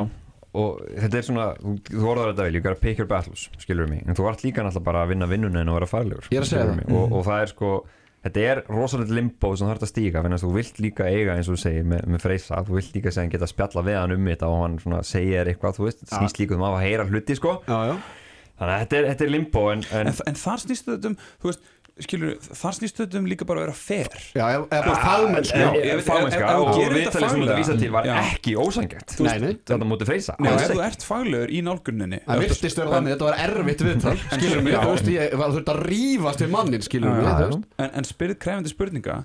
Þú veist, mér finnst það bara opaslega barnarlegt ef þjálfarinn ætlar að verða að taka því persónulega skilur ef, ef, ef íþróttafréttamaður bara spyr krefindi spurninga sem eru faglegar en, og sangjarnar mér finnst það bara barnarlega hegðuna að að þá bara ætli þú ekkert að ég bara tek ekkert viðtalið þennan því þessi er bara ekkert með mér í þessu. En að því sögðu, Arnarsveinn, þá veistu líka að bara, þú veist, Sir Alex Ferguson hendi oft bara einhverjum fjölmjölamönnum bara í bann þú veist, skilur mig? Já, já, þegar það komið þannig að hann- þessi hann er oft líka- rosalega en hann er líka sko, með þrjá- tilfinningaverur en sko. hann er líka með 30 manns í herbygginu sko. Já, já, algjörlega, og hann veit bara að það kemur einhver annar inn skilur sem er bara alveg jafn góður á þessi sko. Svona, veist, ég skil, skil punktiðin sko. En, en svona, þetta, þetta er kannski aðeins annað setting. En að því við nefn- nefndum með mitt Frey sko, að þið vorum að tala um Frey þá kom hann, um, sko, Frey góðvinnu minn, kom hann með, með akkurat þetta eitt meðvirkasta tvittið sem ég sá í gær það var hérna, mikið hefði gaman í íslenska landsliðin í handbólta þeir eru ríkalega góðir, þetta var aldrei að fara að vera auðvelt. Guðmundur hefur nefnilega sagt það mjög oft. Hlakka til að vinna þá, í dönsku, vinna þá dönsku í áttalega við getum treyst á okkar mann og gæðin í liðinu. Eftir leikin í gær. Og þetta er að því að Freysi hann, hann er þjálfara megin. Skilur, hann einhvern veginn hann er akkurat að spila þennan, þennan sama leik og gummi er búin að vera í sem ég segi, er að koma liðinu okkar er, er búin að koma okkur í þá klípu sem við erum í í dag veist, það- Þetta er bara, þú veist, menn eru bara öðrum megin eða, eða skilum, þú veist, og, og ég, er svona, ég vil helst vera báða megin, ég reynir mitt besta til að vera báða megin, en það sem er, ég líka svona, þú veist, sko, eins og í viðtalinu í gær, þú varst að spyrja mig hvernig ég hefði spurt, þú veist, ég hefði ekki orðað eitthvað spurningu, já, en þið voruð frábæri 50 mínútur, þú veist, það var engin að býða eftir því að gummi fara að tala um það hversu góður var í 50 mínútur. En það er bara skiptir heldur einhver máli. Nei, ég að segja það, það var, veist, og, e- og, og, og ég, er bara- ég er bara hjartalega ósamála því líka við vorum frábærir í 40 myndur Já. max, stórkostlegu fyrirjáleikur engi spurning, bara, bara, bara eh, nánast, eins og þeir sögðu settinu Dagur og, og hérna, Óli og, og Logi bara st- nánast fullkomi fyrirjáleikur Akkurat. Bara frábær, engi spurning. En það er akkurat það sem gerist hérna á næstu 10 myndum í setnáleik sem verða þá 40 myndur sem að það er orðið þannig að þessar 40 myndur er bara óbærslega langt frá að vera fullkomnar. Af því að hvort hefði verið betra að vera bara með þryggjamarka forskot þegar 40 myndur er búnar og vera búin að rótera liðinu. Og bara ná að já, Já, og vera búin að rótera eða vera 6 mörgum yfir þegar þú ert búin með 45 myndur og ekki búin að rótera neitt. Já, og búin á því eftir 50 minútur og alltaf svo- samt að spila ennþá á sama bensilösa Já, liðinu. af því að þá getur ekki fara að rótera þú getur ekki fara að rótera eftir 50 myndur Erðu, Kelly, Já, ég setti þið heimavinu. Förum aðeins í, í léttleikan Það er rétt, þú er tíma hann og er svo jákvæðir í kjölfarið. Já, þessari Því að þetta er ekki búið. Þetta er ekki búið, ég, það er hár rétt við, ég meina, við, ég, Þetta leiktur henni svíja, engi spurning. Já, við förum yfir framhaldið á eftir en Kelly, þú ert búin að komast að því eins og ég var að nefna á þann við náttúrulega erum með hérna, menn á, svæðinu. Hérna, blaðmenn eru vist að Mhm. takandi þátt bara í, í Já. og með landsliðinu. Þú ert búin að komast að því hvaða leikmenn eru hvað Eru bara bestir í fótbolta og slækastir. Já, þú ert með Ekkert 5 og, og bottom 5 Já, ég er með, já, top 5 og bottom 5 Og ég ætla að byrja á Aron Pálmarsinni Því ég held að flestir bara viti það að hann er einn af þessum bestu og þá er ég að byrja á bestu. Hann hreyfist ekki mikið en geggjaði sendingar og mjög gott touch oft kallaði Berbatov. Já. Hangandi frammi. Já, en síkó, með síkó svona með það sem ég að þessum stendur svona við stöngina svolítið, með heldur það sem ég á öllum leikmannhófni í fótbolta þá var hann alveg svona nokkuð yfirburðar í fótbolta af Já, þeim. og ég held hann sé það ennþá. Hann var frábær. Heyrðu, það var tekið hérna Ómar og Janus saman. Báðir mjög góði með boltan og tapunni sjaldan þeir eru svolítið possession without penetration. Fáar stóðsendingar og mörg. Já. Heyrðu, Viktor Gísli Hann er eins og margir vita er góður. Hann kom inn á það í sinni Íslands, hann var í fótbolta lengi og hann turti eða bara velja á milli. Hann var hörku hafsenda með minnir. Já. Ég var að þjálfa hans árgang Stór sterkur og með svaðalegt skot En það kemur ekkert fram hvort hann sé mikið í vörnin eða mið, ætla hann sé á Nei, mið- það kom ekki fram sko. Nei. Ég myndi halda hann væri bara í vördin í róleitunum Svona réttur fyrir að markið sitt bara sem hann ver almennt. skot fyrir aftan miður og já. skrína. Heyrðu, Bjarki Már frábæri linköp og með svald markanef Svolítið eins og samblandaði Gírút og Holland. Vá Já, þetta er, þetta er er svaðalegt sem ég vekst þarna. Það er svakalega blanda sko. Já. sérstaklega ef hann, ef, hann fær, ef hann er að tala um sko, útliti frá Giroud og, og hæfileikana frá Haaland sko, þá er það einhvers konar Heyrðu, Viggo, eins og allir vita, þá er hann líka góður. Hann er með gott touch, gott skot sendið þetta allt og sjaldan á okkur bestu leikmennina. Sem að það að þetta er frá einn af bestu leikmennum Ga gamli góði einspilari og því er fyrir mig að setja hann á hennar lista en hann er hann mitt að milli, segir hann. Já. Herðu, þeir slökustu, það er náttúrulega tölverð skemmtilega fyrir að bara rósa einhverjum gæði minn endalust ykkur um fótbolta. Herðu, Donni sá eini sem hefur sennilega ekki mætt á fótboltaæfingu á æfinni Ímir þarf eitthvað að útskýra það? Sést bara á honum. Ímir er hann ekki einn af þessum fáu völsunum sem fór bara aldrei í fótbolta? Ég heyrði, hann var eitthvað aðeins í yngstu flokkunum já, fyrir hann var eitthvað yngstur, jú, hann er, hann er jú en hann var ekkert framan Nei, á svo. ég ég man alveg eftir hann líka í handbóltan Nei, þess að í fótbolta uppbytun í handbólta sko. Já.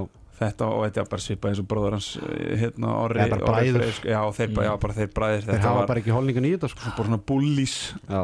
En get ekki neitt sko. En, en, en Alltaf brjálaður yfir öðrum duglegir að tala sig upp samt. Herðu, Gísli Þorgir hann er einn af þessum heldur hans í geggja hann er mjög afrits, þessin er hann hér. Það er óvænt. Já, hann hann var reyndar Gísli Þorgir ég þjálfaði svona eins, eins, einmitt hans árganga svona yngstu flokkanum, hann var öflugur sko. En hann, er, en hann er svolítið að tala um væntanlega, ég er ánægði með þetta review nefnilega, sko, af því að hann er að segja, hann er að byggja þetta á sko, hvernig Gísli Þorgir metur sjálfan sig. Já. og hann, hann, hann lifir aldrei upp á þann standard sko, þetta er gott hjá honum, heyrðu svo er Arna Freyr, ræðilegt höds en endast að einhvern veginn alltaf með boltan sem kemur mikið niður að gæðum leiksins oft á tíðum. Þannig er þetta komið tvo línum með Já. sko. Það og lítið á við komum inn á hann þá er þetta frá innanbúðar manni Já. Já, þetta, er, þetta, er, þetta er mjög gott stöf og sko. fólk þarf náttúrulega bara að hlusta á þetta nokkur sinnum átt sem mögulega á hver það er. Voru að út- leikmenn eða? Nei, Nei. þetta voru allir. Já En ég spurði, en, en, en spurði ekki hver viðkomandi var að vestur eða? Nei, mér fannst að vera Arnar Ímir Já, er Ímir? Já, Ímir eða Arna Freyr. Hann sagði það að línumann. útskýra að sést bara á honum Ími. Arna Freyr, það fekk hann svolítið hraun. En ég spurði viðkomandi líka út í Óðinn Því að ég þjálfaði hann á síðan tíma. Hann er svo nýkomin inn Það sem hann hefur sínt núna í síðustu verkunum Hefur ekki heilla Hann er líka hrættur við kontaktin Sem er það eina sem hann má ekki Þegar handbóltamenn koma saman að spila fótbolta En Óðinn var segur á síðan tíma. Ef eitthvað er þá er meiri líkur á það meðist eða þú ert Já. hikandi sko. Mm. Já, það er rétt. bara, bara að fara inn í, þetta hoppa rétt. upp úr tæklingunni þá ertu þá bara ertu í- þá ertu í vesenni sko. Þá ertu í vesenni sko.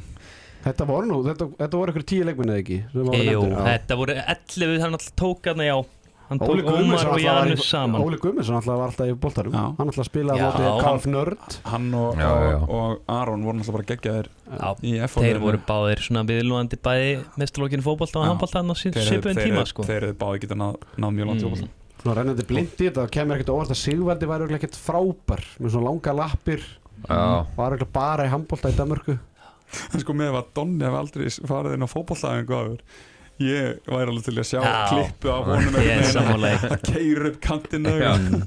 Ég get trú að hann fleiði sér svolítið bara Já, það er hann ekki mikið hann sko. ég held að þessi típan sem fleiði svolítið bara aftastur í markið. Herðu, strákar, takk hérlega fyrir þetta Kelly, þetta var uh, gott input í, í þáttinn. Herðu, áður við förum að leika okkur í El Grande þá, það er leikur á morgun. Við eigum Suður Kóru og uh, fólk er sannilega mikið velta fyrir sig bara möguleika Íslendinga núna uh, Ég er að fara í milliriðluna núna næstu helgi uh, að leika föstudag og sunnudag og, og það gæti bara farið svo að uh, hérna, ef við töpum átti svíþjóðu milliriðlega leikurinn á sunnundinu mun bara ekki skipta Jack sitt máli Se- sem er bara leikur líka mútið grænhöði með eitthvað álíka Já. leðileg Þannig að það, okkar möguleikar liggja í því að annarkvort að Portugal vinni Ungverja á morgun mm -hmm. þannig að við endum öll með hérna, tvö stig í milliriðli og uh, við vinnum alltaf Portugalina hvað með Fjórum. fjórum og töfum með tveimur. þannig að við gætum verið bara efstu þar í, í þegar ef, ef að því kemur Mhm. segjum að svíjandi vinna alla leikina það sem er mikilvægast fyrir það sem maður hugsa er að, einmitt að að ná því að því að sko ef segjum að við förum öll áfram með tvö stík segjum að Portugal vinna ungar að ef við verum efstir í reyðlunum þá mætum við svíjum í lokaleik millirreyðlisins og svíjandi getur þá verið komnir áfram Mhm. mm Akkurat, mjög líklega þannig að Og öryggið á með eða líklega Já, Já. og er ekki með efstarsetti sko. þannig að það er en þú veist, bara ég, ég mér finnst Portugalin alveg geta unnið skilur mig, þú veist, mér fannst bara álíka lið í, leiknum í, í gær og, og fyrir þreymundum Já, ég, Sammála því. En- en og ef eitthvað er fannst mér Portugalinni betri ef ef við miðum með fyrstu 40-45 minn Já, já, við vorum, eins og ég sagði, við vorum bara ungarni í köðlunum, Já. skiljum mig. Þannig að, og bara ungarska liði fannst mér, mér fannst bara ungarska liði ekki að spila vel. Þú veist, þeir bara hægt, þetta var svona þung já, já. Það var, þeir spila alltaf já, bara. algjörlega en, en það veginn það, og það með Róland Mikler í markinu sem er töluvert betri markmaður heldur en markmaður í Portugala þannig að en, en það er bara komið þannig staðan er basically þannig að þetta er ekki alveg þetta er við þurfum að vinna svíjana í millirriðli skiljum mig, að ef, ef ungarnir fara áfram með fjögur stíg þá er það bara að hérna, og það gæti með þess að ekki verið nóg Mhm. af því að innbyrðis náttúrulega bara á móti ungurum Já. við erum bara með lakari í það. Já, já, þannig að ef við vinnum svíjana skiljum við, þá gætum við endað í ykkurum hérna, og svíjarnir vinna, ungarja, þá er þetta eitthvað þryggja að liða innbyrðis þarna, markatala og, og eitthvað. Þannig að eins og staðinni núna þá hérna, er þetta náttúrulega bara sögurkóra við verðum að klára þá og, og hérna, við, ég treyst ekki öðru en, að við gerum það síðan er þetta grænhöfðæjar Brasilia og, og Svíþjóð. Mhm. Uruguay eru hérna langlegasta liði í, í þeim reyðlega sem við mætum í, í millirreilnum Já, ná, Þannig að það basically áfram Portugal. Já á morgun. Já, við viljum klárlega Ég Portugal er að segja það, núna er bara í rauninni það er svolítið svona og helst okkar bara, hvað, með einu marki eða? Já, það væri Já. Já. eða það væri bara, ekkit, bara eitt marka mitt. Bara Eitt eða close tvö, leikur. Eitt, Já. já, ekki meira en fjögur. Nei. þannig að það er svolítið staðan og, og hérna, en ef við lendum í öðru seti þá mætum við svíjum í öðru leiki millirriðli Mhm. sem er á föstu daginn eftir, já, fimm daga. Mhm. Þannig að það er svolítið staðan og uh, fullri höll í Gautaborg ég bara ég vil ekki hugsa þá hugsun til enda ef ég er að fara á leik að HM Ísland Cape Verde. 3000 Íslendingar. Það er búið að selja 6 flugvilar Æslandi er beint flug til Gautaborgar. Það er rosalegt. Klikkað og leikurum myndi ekki skipta sjálf máli. glottir á okkur þetta er bara Þetta er klikkað. Þetta er, þetta er, þetta er ótrúlega Nei, ég, ég, held, ég trúi því alveg að þú munir fá tvo leiki sem skipta máli og, og, og ég trúi því bara við, við, hérna, við bara vinnum síðana já, já, það er bara erum við ekki bestir í, í, í módlæti er það ekki eitthvað svona? Já, ég meina eina, sko, við getum henni svíjana en til þess þurfa leikmennar vera á góðan líkalum stað Já. og já, við, þurfum, við fáum auðveldarleikum morgun Mm. vonandi, það má fáum- ekki glemma því að þó, og, og fyrir hlustendur sem að skoðu bara livescore og sáu bara, herðu, Portugal unni sögur kóru með nýju mörgum, það munið einu marki er og, og Portugalin skoruði síðustu sjö mörkinu í leiknum, Mhm. skiljið mig þannig að Þannig að þetta var alls ekki gefins leikum fyrir Portugalina í gæri á móti Suðurkóru en ég trú ekki öðru en að við tökum þá. Býtu, ég dætti aðeins út á einhverjum tímabúti. Er þetta að segja mér um ungar vinna Portugal Þá er þetta svona nánast búið Þá er- verður við þá er svíjana. Og þá og, er og þetta- treysta í og við þurfum líka að treysta á þar að, að þá er henni svíjarnir vinni ungverja. Já. Svolítið bara almennlega jafnvel eða eða ekki? Þetta verður þá Þannig að, það er ekki alveg í okkar höndum ef ungverjarnir vinna á mót, morgun í Portugal. Nei, Nei. þá, bara, þá er Ungarja þau sem er alltaf vond. Maður vill hafa hlutin í sínum, sínum höndum sko. þetta, er, þetta er ótrúlega Þetta var algjör helvítis líki leikur í gær. Bara það var, svo geggjað þegar Kristjana saði eftir leikin hérna og við vorum nú að ræða þetta sko og, og við kannski tókum það ekkert tókum þau heldur ekkert sko veist, en, en allavega þegar Kristjana segir það er oft talað um svona hérna, að velja leikinn sem á að tapa. Var þetta kannski hann? Já. það var bara svona Nei, Nei, nei. það var ekki leikurinn sko. Jákvæðnin maður, það finn eitthvað að það var jákvæða alltaf að reyna að finna sem ég skil og svo sem þú veist En horfðu á pallborðu á, Ísið þegar ég, Einar og, og Gaupi voru. Já, Þá tala Einar Jónsson um það að ef við vinnum Portugalina þá eru bara gott sem komnir í áttarúslit já, ég skildi ekki alveg hvernig það Nei, hvernig það fekk það út bara. Ég bara Ég svona var að vonast til að það væri bara rétt hjá honum en svo því ég var að skoða eftir leikin í gæði bara svona Einar, þetta bara meikar ekki sens. Nei, Þetta var, enda er það að koma í ljós. Já, það er nokkur veginn. Herru strákar, við ætlum að vinda okkur í El Grande. Í bóði, Ekki hafa kemur.is já, í bóði helvit glussin Glussin Glussin, Þegar vanda maður. glussan. Það er ekki senda bara nóg út að glussa Hvað segirðu? bara senda út nóg að glussa? Já, beint á glussan á liði. Það er bara engin spurning. Hreinsa og einmitt. Herðu, þetta er fyrsta sinn sem að El Grande er spilað í með þremur. Já, það er rétt. Er það ekki rétt? Það er sko. Þannig að já, þú veist ekki svona lendi back and forth. Nei, þú getur nú aðeins meira um þessum tíma. Þá er líka meira sem exast út. Já. Ég er alveg stressaður, þetta er handbólta en grandi sko, þetta er Herðu, ef, við, ef það er eitt, eitt klikk þá bara dettur svo viðkomandi út Já, það er og, gott. og hérna þetta fer í röð. Ardarsveit, þú fær að byrja. Mm. uh, Lönd sem hafa farið í úrslitaleika HM frá 1954 Í handbólta í handbólta okay. Lönd sem hafa farið í úrstuleik unnið, HM unnið HM Já, eða tapað í úrslitum Ok, það er bara frakkar. Rétt, Svíjar rétt, Spánverjar rétt. Þjóðverjar. Uh, Já, hlýtur að vera. Sko.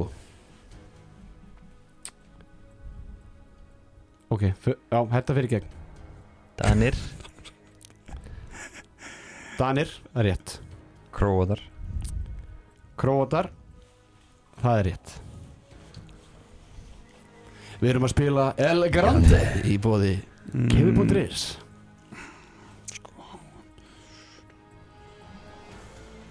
Svíþjóð, Um, Rúss- Frakland Rússar hafa pottit farið í Nei, nei ég, ætla, ég, ætla, ég, ætla, ég ætla ekki að nota, ég ætla ekki að segja rússar Ég ætla að segja hérna uh, Ég ætla að segja uh, Ég ætla að segja svíjar Komið. Svíþjóð Komið. komið. Bara komið. Komið Já, og farið eitt sens Þá, þá ætla ég að halda mig við Svíþjóð, Frakland, Króatíu, Spán, Danmörk og Þískaland er komið. þá ætla ég bara að halda mig við Rússland. Rússarnir Þeir hafa farið í úrslitaðleika HM Júgoslavia Jugoslavia, þeir hafa farið á úrslit að HM Það deilaði dómaran Sovjetríkin Sovjetríkin, þeir hafa farið í úrslitaðleika HM Ég var ekki viss um það. Það er átta þ- lönd eftir Áttalund eftir Átta. Vá, það er lönd. mikið. Vá, hvað er það mikið Ég held að vera Frá 1990 1990 Nei, frá 54. 54 Já, já, já, ég er með fleiri lönd maður um,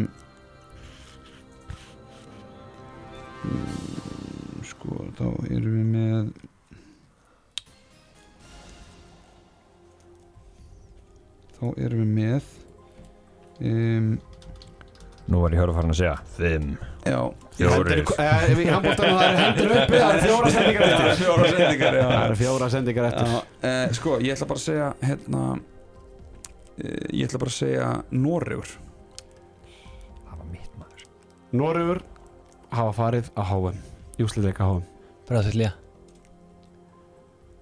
Brasilia, Farið í fyrstu kefnindur, ég held þessi rétt það er ekki rétt Ó, býttu hvað, Hjörvar ekki að ræða þetta um daginn? Hjörfa var með eitthvað dæmi sko. Nei, það var körfubolti Það var Það var körfubolti, körfubolti. djöfulli maður, ég rugglaði saman Svo hefði ég nú ekki treyst hjá Nei. Ég ætla að segja Slovenja Já, hlýtur að vera rétt Er það?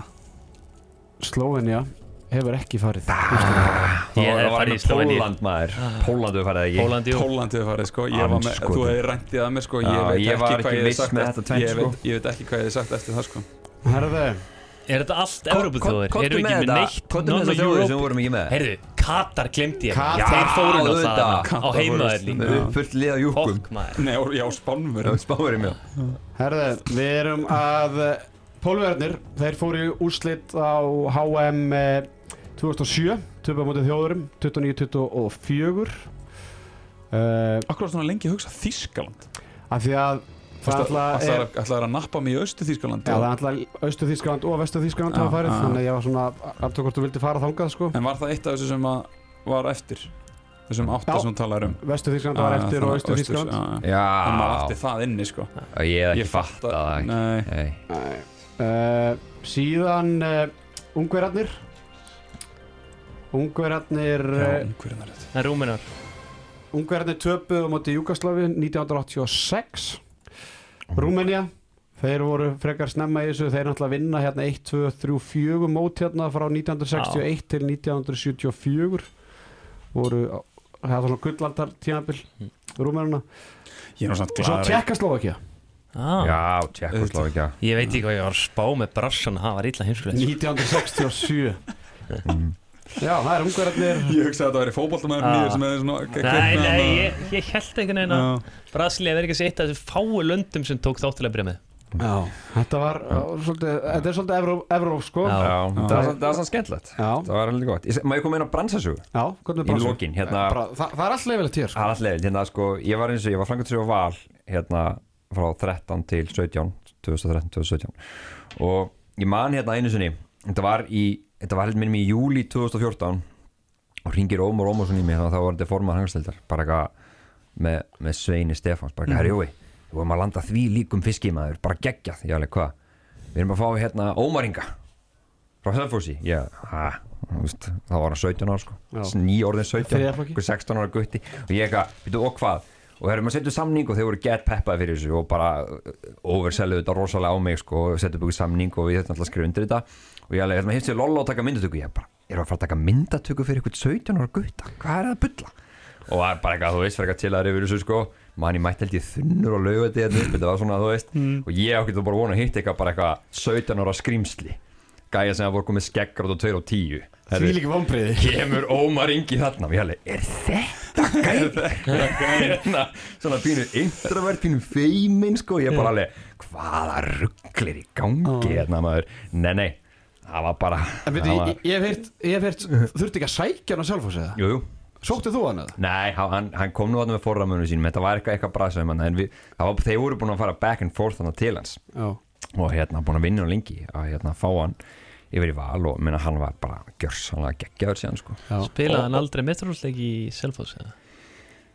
Nei. Ekki, ekki sko. Ég held ekki. Já, það getur vel verið, það er alltaf voru í fyrstöldin Já. En, en ég, hérna, Bransan, ég náttúrulega á þann, eða fekk þann heiður að, að þjálfa Ómaringa að hann var alltaf ótrúlega þess að spilaði með þriðaflokki, öðruflokki og mestarflokki og val á sínum tíma, skilur mig, það var hérna Gamla góða leiki á lagi Já, ég meðal byggarhelgin, þá held ég hann að spila allavega tvo byggarúsleika Bæði með val í Final Four og svo hérna með öðrum eða þriðaflokki Mhm. Ég var alltaf að rífast ósköpjarni yfir þessu Já, ég skil það og, Bara að segja, bara, herri, þú veist, bara veljið Þú veist, bara látt hann spila bara þarna Já, skilurðu. ég, ég gef svolítið þólið ekki, sko.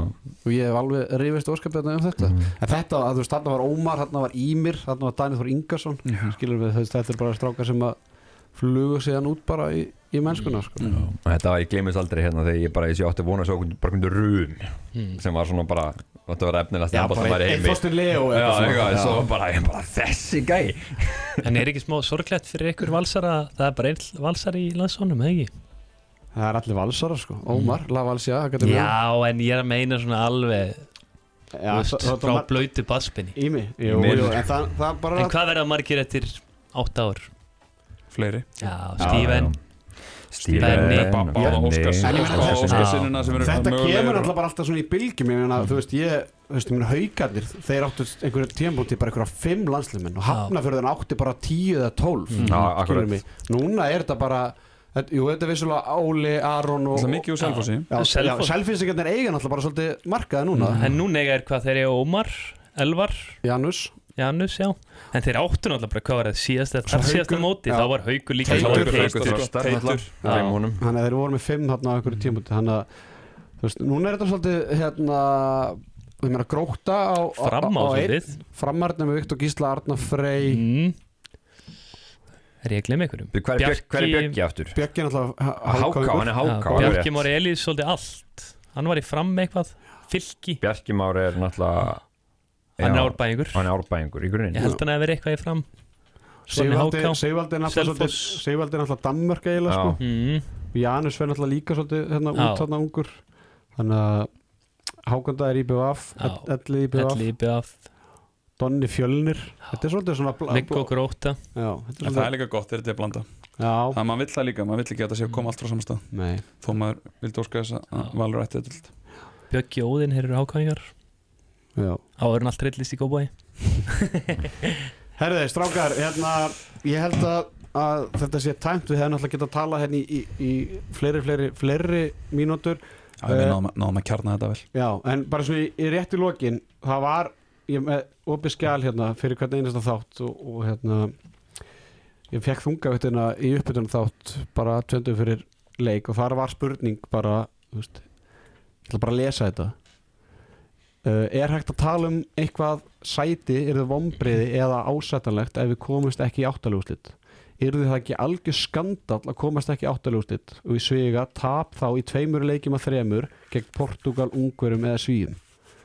Þú veist það og þá voru menn bara, jú, bara algjör skandal eða skilur mig, og veist og það var ekkert bara eitthvað reykja að vera með eitthvað sleggjudóma eða eitthvað, það, það Og það er bara staðan. Já, Ef þú kemst ekki áttalúslu með Það er Er það ekki Það- bara það er bara þannig, ég meina ef við lesum við bara liðin sem okkar leikmennir í versus li- liðin sem að gaurarnir í Portugal ungurum er í. Já, hefur við ekki vinnaði nýju skipta tíu jú, ég meina Ég meina það er leikminn í ungarska liðin sem voru bara að spila Já, á- já, á- já, sko, ég sá mér að ég var að skoða liði í gæri mitt þegar voru konur ykkur sjömörk með, sex sjömörk með og var ég bara, er þetta einhverjir bara auðminkjæri þú veist, þá eru sömur aðeins sko í liði sem voru lélæri heldur Tata. Banja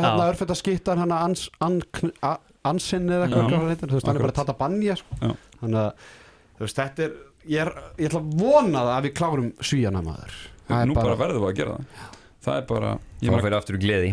Gleði, Ég meina- gleði, gleði að fara, að, fara, að fara með þetta lið ekki áttalúslið það er, ég man ekki eftir verri hjá svona, eða þú veist bara þegar þú ber saman gæði og árangur Mm. sko þá bara held ég að maður þurfa að kafa eitthvað maður þá tekur eitthvað langt háum tilbaka, stofan sko. við.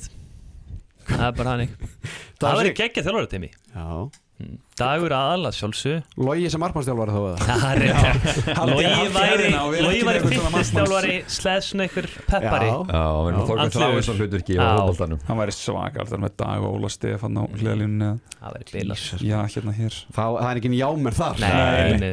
Þeir takast á félagarnir sko. Það er bara þannig. Herðu, uh, ámhankastið verður ekki lengra í byli á morgun, þá mætir íslenska landsliði Suðu Kóru klukkan 5 fæ til mín strákana í ble Bolti Lígur ekki, Tómi Stendos, Sigur Óri Kristjánsson og uh, Gunnar Birgisson. Farðu út í ríki á morgun og keitt svona 30 bjóra. 30 bjóra, já, þetta er síða, síða. Já, síða þetta eru svo dökkað ekki? Jú, jú, bara þeim er alveg sama bara meðan þeir verða mökkaðir. Eitthvað svona. Já. bara Þannig að- 15 á mann. En það verður gaman að rýna í þann leik uh, Jómar Helgarsson, Arda Seit Girsson og, og Rappkjell Freyr uh, Ágússon Takk ég alveg fyrir komuna og ég ætla að vona að þið hafi haft gaman að en þetta var erfitt ég skal við ekki það. Takk ég alveg Takk, takk. Takk